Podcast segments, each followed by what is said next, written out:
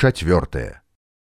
Віленскі паліцмайстар палкоўнік Сарначоў падвёў да дзвярэй камеры нумар тры ядвігу макрыцкую, уставіў ключ у шчылінку, крутануў яго. Кіўнуў моўчкі галавой, дазваляючы ісці ў камеру. Вязень стаяў каля акна, глядзеў на вуліцу, не абарочваўся, не зацікавіўся нават, хто б гэта мог яго праведаць. Акрамя турэмнага начальства ці каго са следчай камісіі да яго прыйсці ніхто не мог. Кастусь ціха паклікала жанчына, стоячы ў парозе. Добры дзень, каліноўскі. Ён павярнуўся да яе, здзіўлена глядзеў, не ведаючы, што сказаць у адказ. Ці пазнаеш ты мяне, Вікенцій Канстантин, схамянуўся, заўсміхаўся, ступіў крок насустрач. А як жа, пазнаў, вы цётачка марыські, ядзя макрыцкая. Мы бачыліся з вамі ў ямантаў, пілі гарбату за адным сталом. Як вам удалося прарвацца да мяне, цётачка ядзя, нікога ж не пускаюць. Так не пускаюць. Мне прыйшлося шмат прыкласці намаганняў, каб дабіцца спаткання. І цяпер мне не дазволілі доўга быць у цябе. Ужо цішэй, асцерагаючыся, каб не пачуў палкоўнік сарначоў, які застаўся за дзвярыма, паведаміла: « Пасля цябе я да марысі пайду. Яна знаходзіцца непадалёк ад цябе, у былым кляштары місіянераў. Ён не верыў пачутаму. Калі чырканеш колькі слоў, я перадам ёй запісачку ад цябе. Яна радая будзе. Ён кіўнуў галавой, адразу ж усеўся за столік пачаў пісаць. Пісаў хутка, каб паспець. Тым жа ціхім голасам ядвіга макрыцкая дадала: « Я яшчэ прыйду да цябе. Таму можаш пазней напісаць ёй больш і падрабязней. Думаю, што мне ўдасца пранесці пра захоўнікаў і даставіць адрасату. Але я павінна напісанае паказаць паліцмайстру і ўжо шэптам дадала: Пішы адно для яго, а другое. Каліноўскі кіўнуў галавой, не адрываючыся ад паперы. Ужо ранейшым грамчэйшым голасам працягвала: А вось табе падарункі, грабянец, люстэрка, мыла, чыстая тканіна і бялізна. На вуліцы сёння добрае надвор'е, сонейка свеціць. Але яшчэ не так цёпла. Сакавік халодны. За той час, як ядвіга гаварыла, кастусь скончыў пісаць. Згарнуў паперчыну некалькі столак, падаў жанчыне. Яна хуценька схавала запісачку, паправіла шалік. Як і прасіла, напісаў на двух аркушыках. Як ты тут, сынок? Голас у яе ўздрыгнуў ад жалю.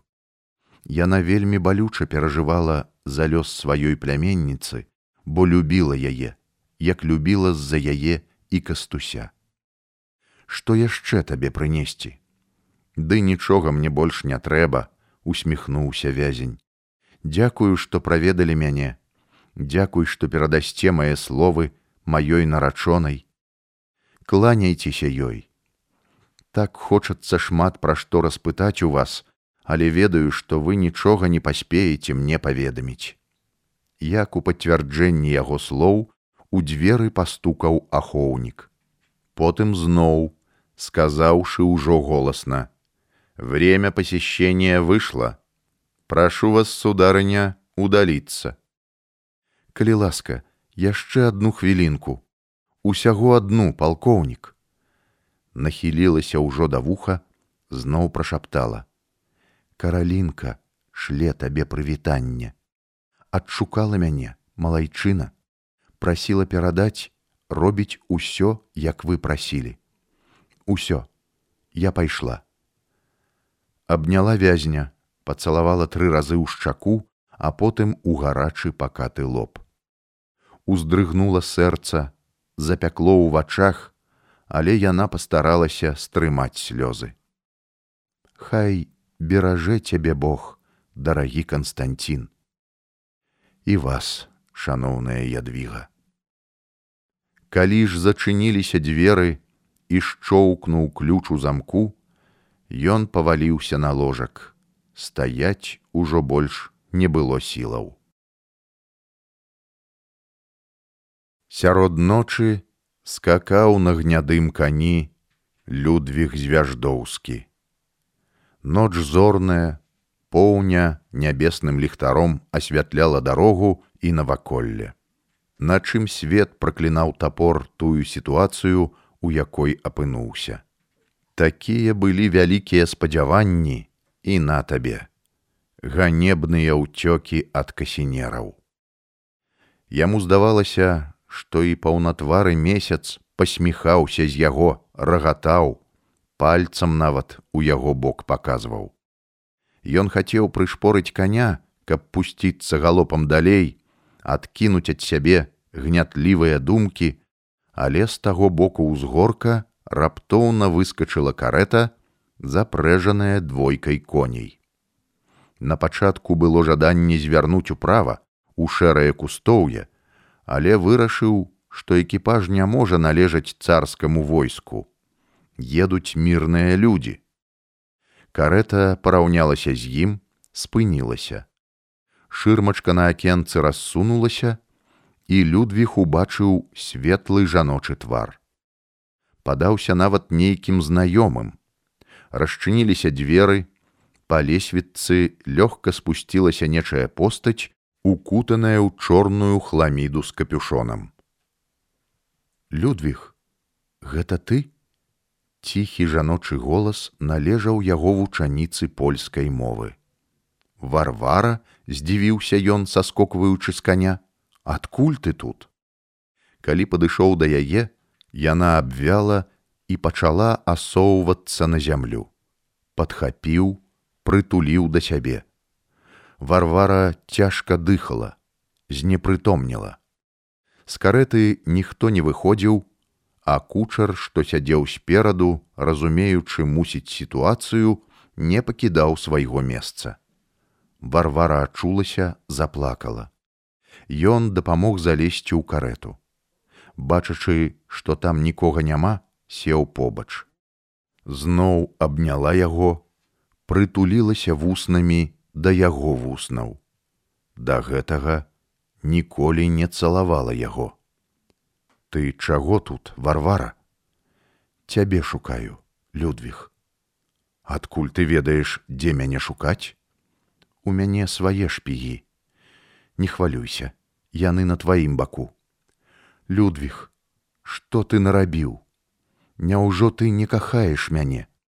Хаця ты і не прызнаваўся мне ў гэтым, але я ведаю, што між намі жыве каханне. Але ж я не магу належаць табе, дарагая і каханая варвара. Каму ж ты належыш другой? Не, я належу паўстанню, і толькі што разбілі мяне, а разбілі самі паўстанцы, як ножу спіну ўваткнулі. Можа, гэта і добра.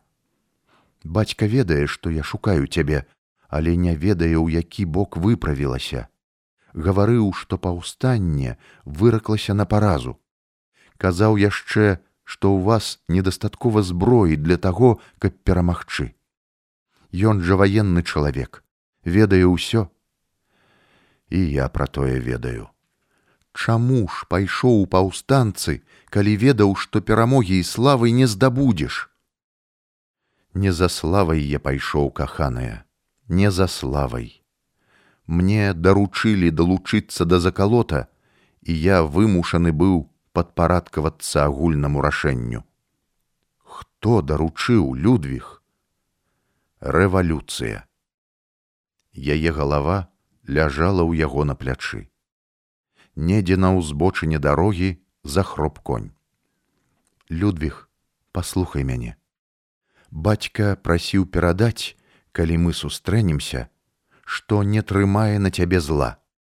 просіць цябе вярнуцца да яго, бо твая пасада па-ранейшаму застаецца вольнай. Табе толькі трэба павініцца.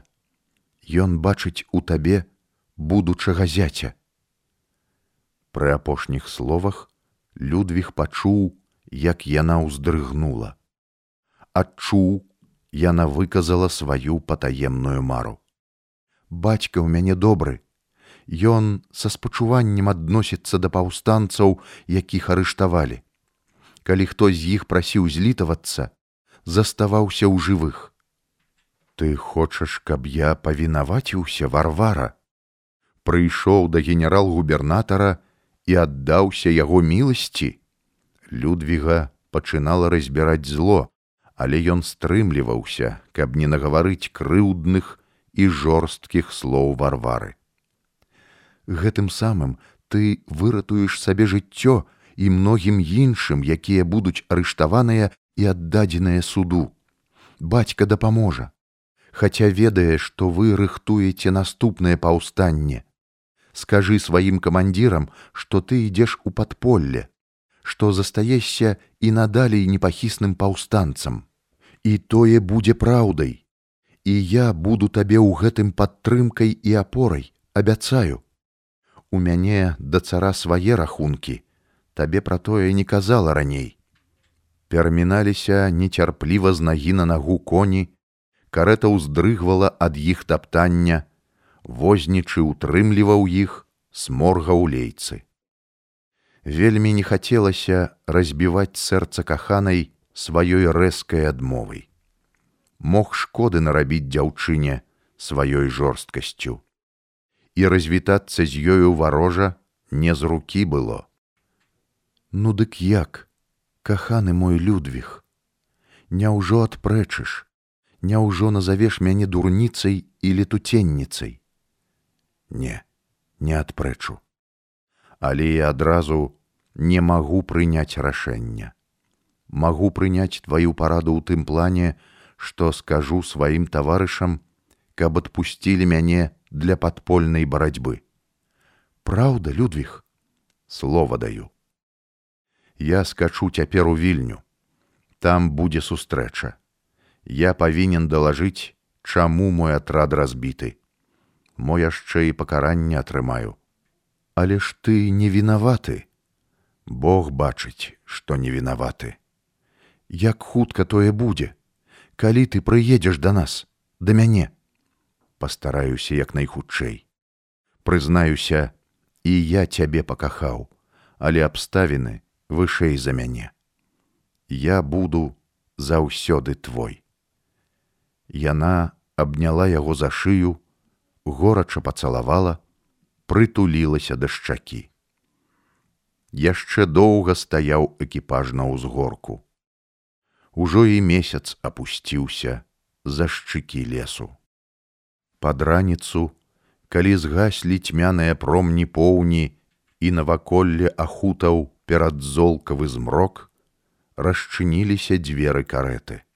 З яе выйшаў штабс-капітан і лёгкай паходкай пакіраваў да кустоўя, дзе раз пораз пахропваў інстытуцкі конь. Праз колькі хвілінаў вершнік усеўся на яго, вывеў на дарогу. Перад тым, як узяць у галоп, азірнуўся. Карета нерухома стаяла на ранейшым месцы. Бывай, варвара, бывай. Я сапраўды кахаю цябе, але, але. З лесу ў накірунку кареты, не парушаючы ранішняй цішыні, імчала група вершнікаў. Яны з'явіліся нечакана імгова, і Людвіг падумаў, што гэта па яго душу і нават выхапіў з похваў шаблю, прыгатаваўшыся да сустрэчы. Але коннікі праляцелі паўз яго, скрозь яго, скрозь карету, у якой сядзела варвара і мусіць бачыла ўсё гэта. А мо і не бачыла, А мо і не чула, тупацення капытоў крылатых коней. Што гэта? Узрушыўся тапор, гледзячы на вершнікаў, што перасякалі дарогу і імкнуліся знікнуць у другім лесе.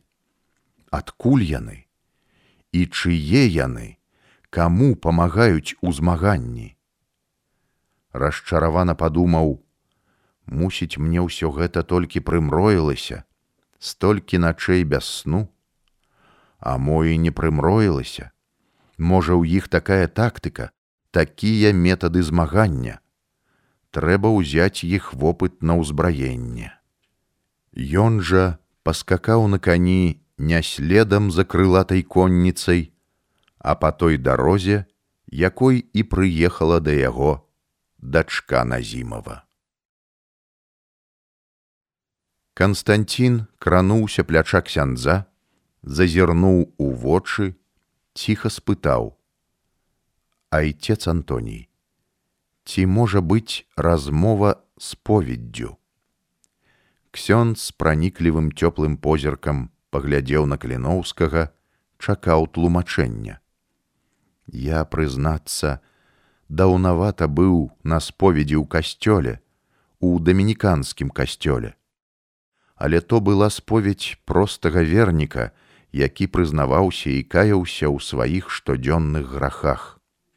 А я хачу паспавядацца як дыктатар паўстання, які ўзяў на сябе адказнасць за жыцці соцень і тысячаў інсургентаў.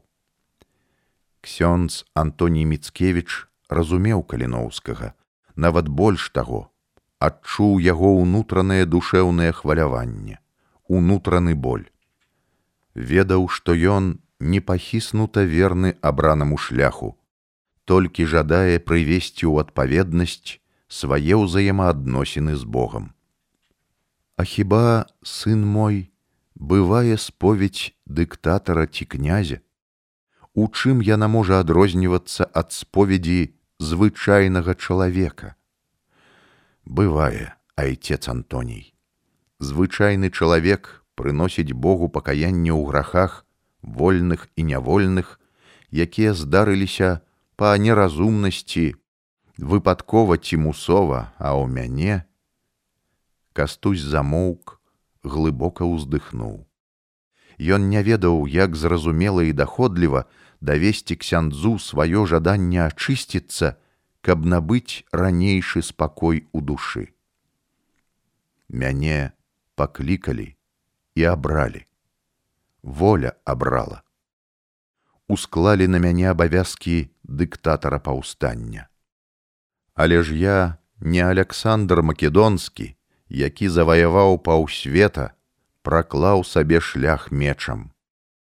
Калі я гаварыў, што рана пачынаць паўстанне, мяне не паслухалі, нават хацелі надзець на мяне кайданкі, а потым, калі ўсё пайшло на злом, далі ў руки стырно, сказалі: кіруй, а прагучэла як ратуй.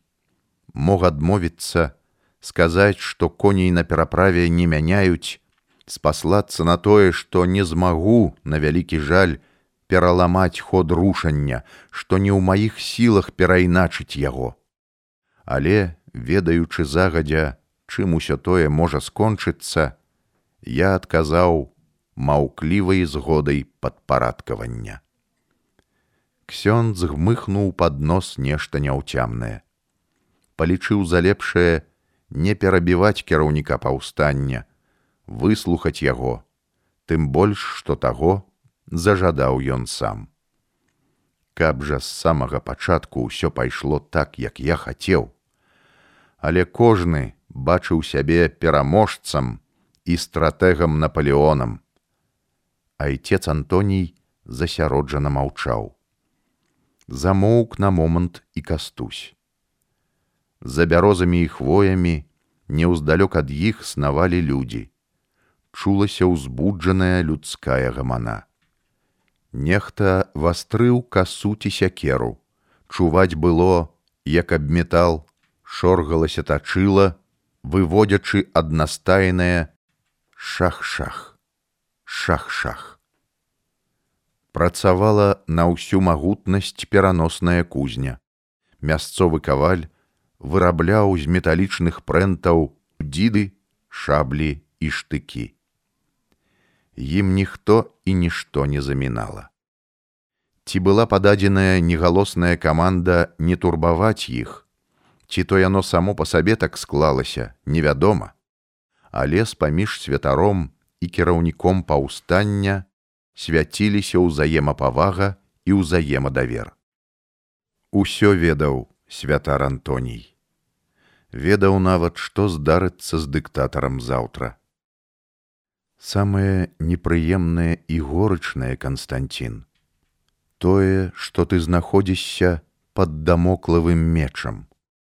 Нават калі паўстанне і пераможа, я гэта жадаю ўсёй душой і сэрцам, то да ўлады прыйдуць тыя, хто цябе арыштоўваў. Ім ніхто не перашкодзіць зноў арыштаваць цябе, прыдумаўшы, а мо і не прыдумаўшы нейкія твае пралікі ў кіраванні паўстаннем, паставіўшы ў віну, што падчас баёў з царскімі жаўнерамі загінула шмат інсургентаў. І як ні горка тое прызнаваць, яны будуць мець рацыю. Вы ў голас выказалі мае ж думкі. Словы дыктатара прагучалі, як звон на пятай мінорнай струны, як гучанне звона. Нешта скаланулася ў душы ксяндза, і ён вялікім намаганнем стрымаў у сабе боль, які прасіўся вонкі.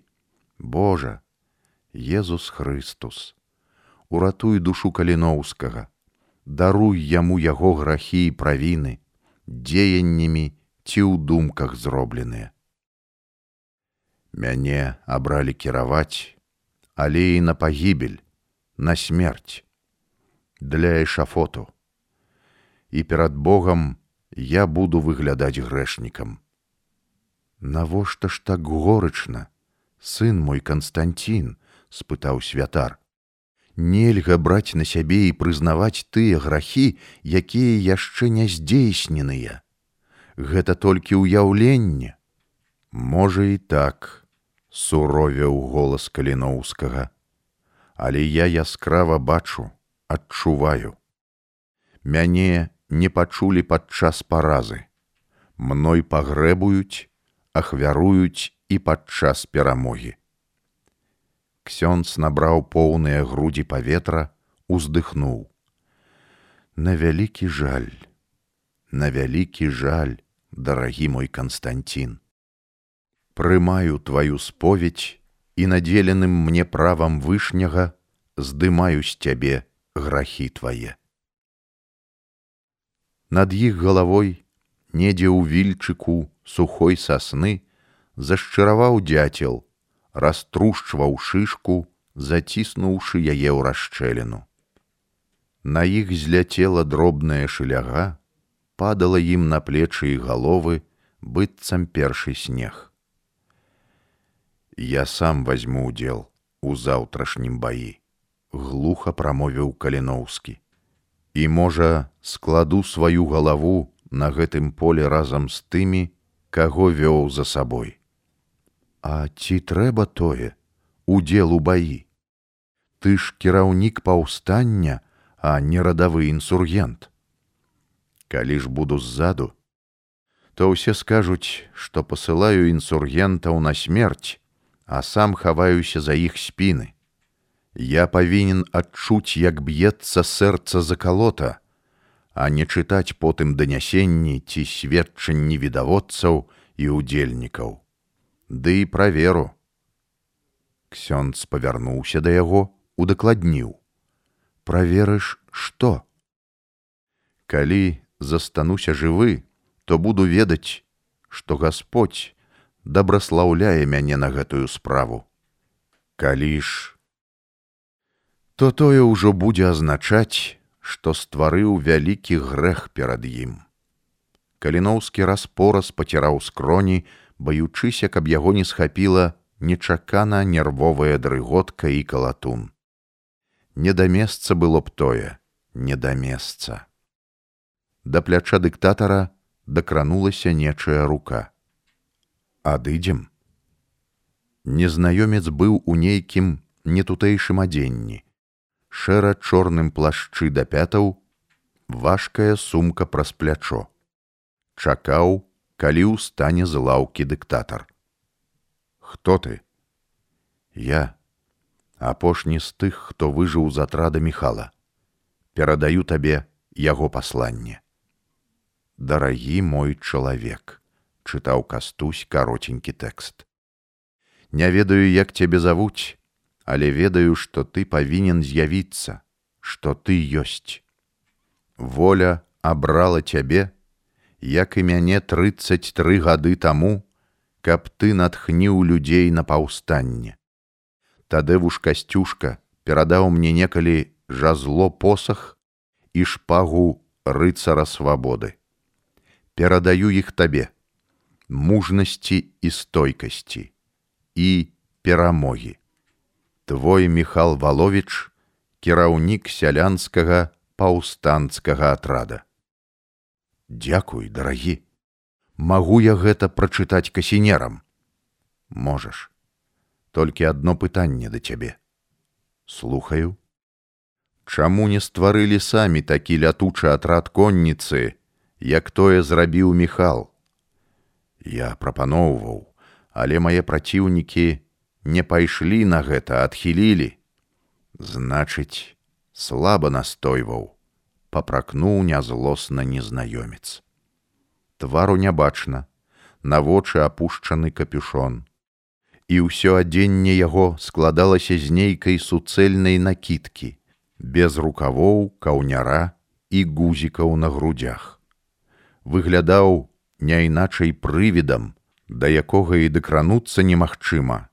Рукі не адчуюць яго матэрыяльнага.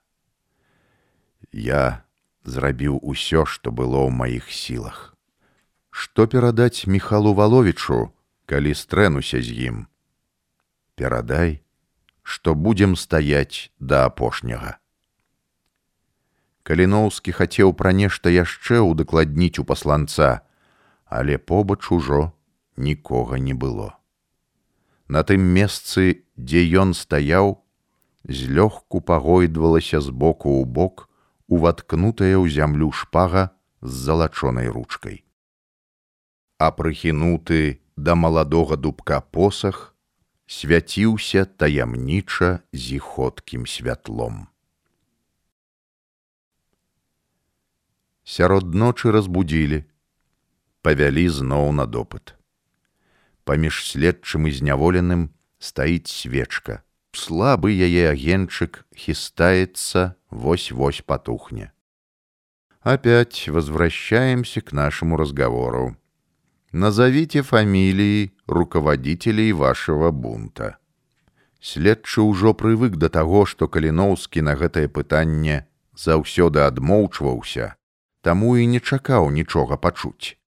Але нечакана вязень ажывіўся, прамовіў: « Добра, скажу, калі ўжо так неабходна вашаму следству кіраўнік нашага нацыянальна-вызвольнага паўстання, маёр амерыканскай арміі, генерал-лейтенант, кавалер ордэна цынцыната, верны сын нашай краіны, верны сын нашай страны, падахвочваў каліноўскага следчы да працягу прызнанняў, верачы ўжо, што дамогся свайго, узяў у руки пісала, абмакнуў яго ў чарнільніцу.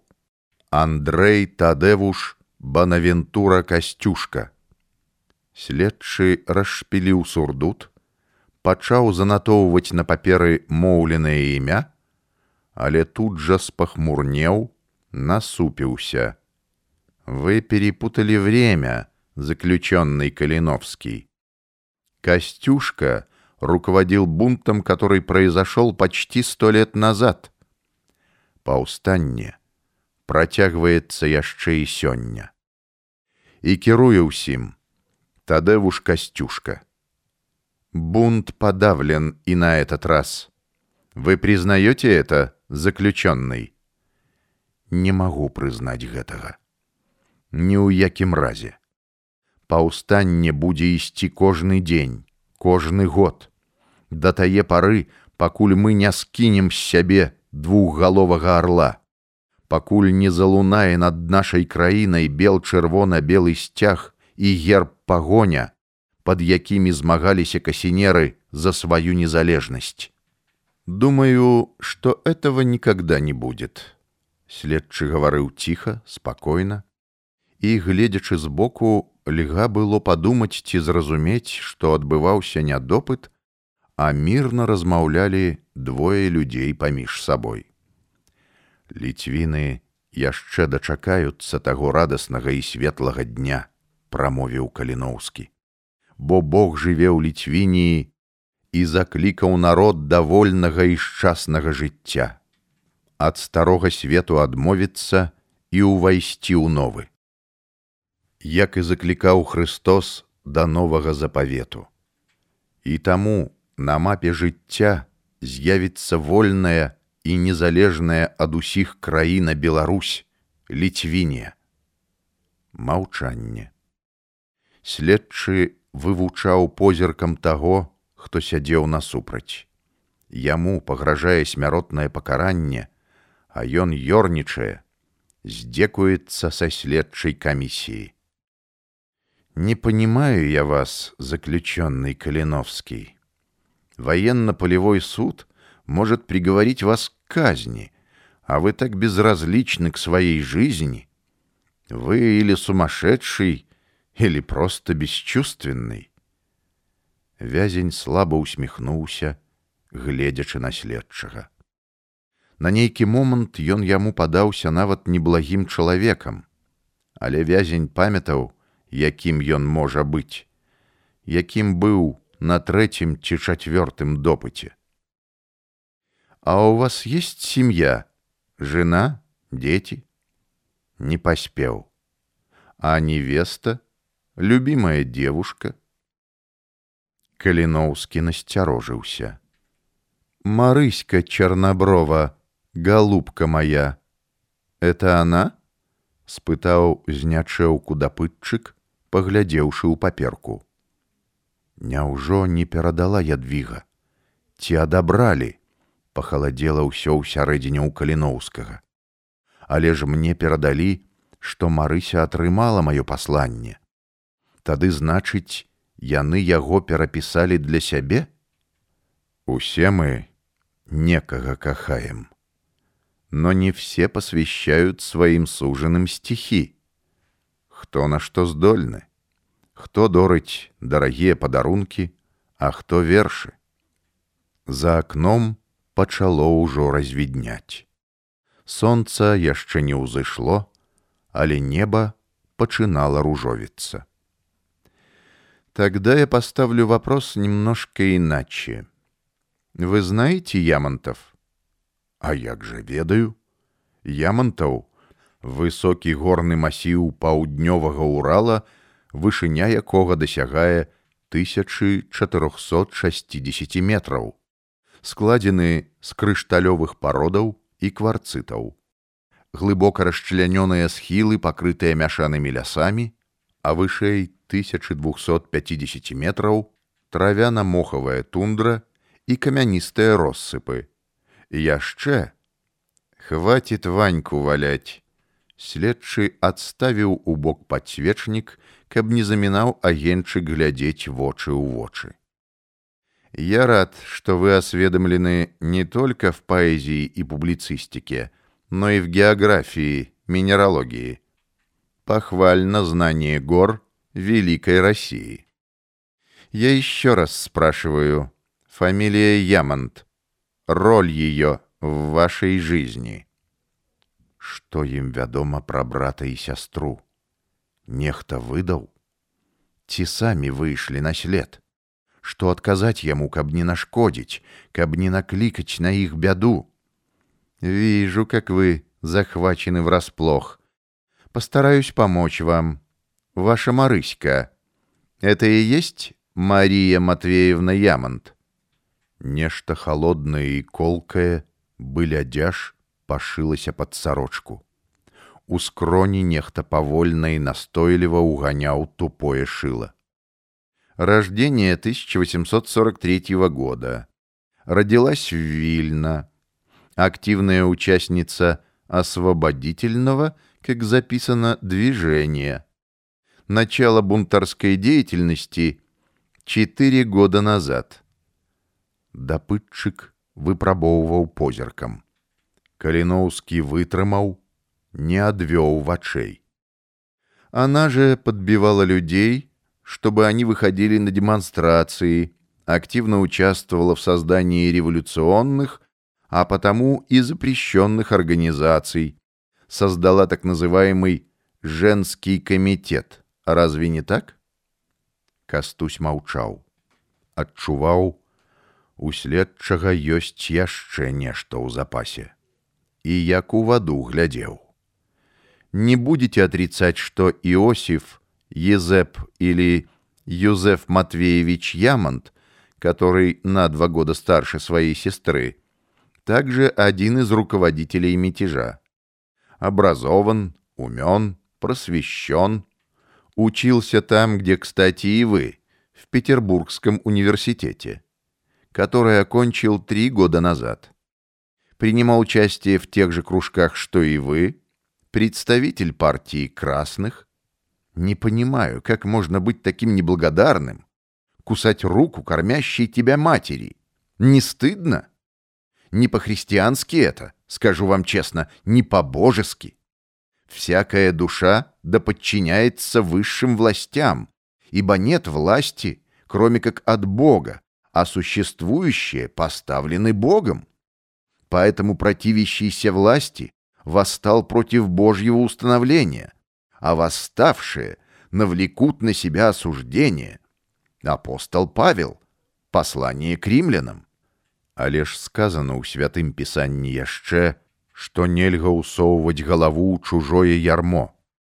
І Бог наказаў людзям стаяць у свабодзе, якую дараваў Христос, і не падпадаць падыга рабства. Мы не хочам быць рабамі. Я вам про Фому, а вы мне про Ерему.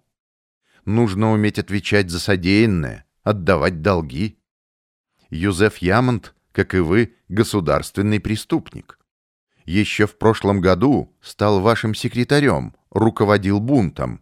Вы не раз посещали его квартиру, потому что она являлась не одной ли из главных конспиративных квартир вашей организации. Это вы поручили если не приказали Иосифу Ямонту вести переговоры диспуты с Варшавой. А его инструкции для местных повстанческих структур заслуживают наивысшей похвалы. Да-да, похвалы. Любой, прочитав их, не исключено, возьмется за вилы или топор. «Здекуецца», — подумал Калиновский, успамінаючы, як і сам хваліў Ямонта за дасканаласць інструкцый, аб'явіў нават яму падзяку. Мо і пра гэта даведаліся. Вы удзіўлены? Нечакана папытаўся ў яго следчы. Ды не, хіба ж гэта сакрэт? Следчы ўжо адкінуўся вальяжна ў крэсле, расшпіліў на горле один гузик сурдута. Было душно. А в сентябре, в прошлом году, вы его в Минск отправили, чтобы он там создавал повстанческие организации, способствовал тому, чтобы они активизировали свою работу. Он, надо сказать, отлично справился с поставленной задачей. Более того, уже через месяц стал повстанческим комиссаром всей Минской губернии. Но, как высоко взлетел, так и низко упал. Арестовали его, сослали. Куда, спросите вы? Скажу. В Сибирь. Куда сослали многих кассинеров. В Томск. Сказать о вашей невесте? Ледь зауважно Калиноуски кивнул головой. И ее, если не сослали сегодня, то вот-вот сошлют вместе с родителями и сестрой в Сибирь, в Тобольск. Видите, сколько вам я рассказал интересного? а вы не желаете хотя бы в знак благодарности поделиться именами своих сподвижников. Я не торговался с вами, но надеялся, что вы приоткроете свои секреты и тайны. Усе тайны вы, як я бачу, раскрылі. Самі ж пра тое сказалі. Мне няма нічога і дадаць да пачутага. Не все. Да может, то уже и не так важно. Бунт подавлен, участники получили по заслугам. Это разве что уже для истории. Мое имя в истории не останется, а ваше будут вспоминать, копаться в вашей биографии и деятельности не одно столетие. Будут добиваться истины как ваши приверженцы, так и ваши оппоненты. Не хотите вы им облегчить задачу и поставить все на место? Поставьте сами кое-какие точки над «и». Навошта? Паціснуў плячыма Каліноўскі. Гісторыі без загадак і таямніцаў не бывае. На гэты раз маўчаў следчы.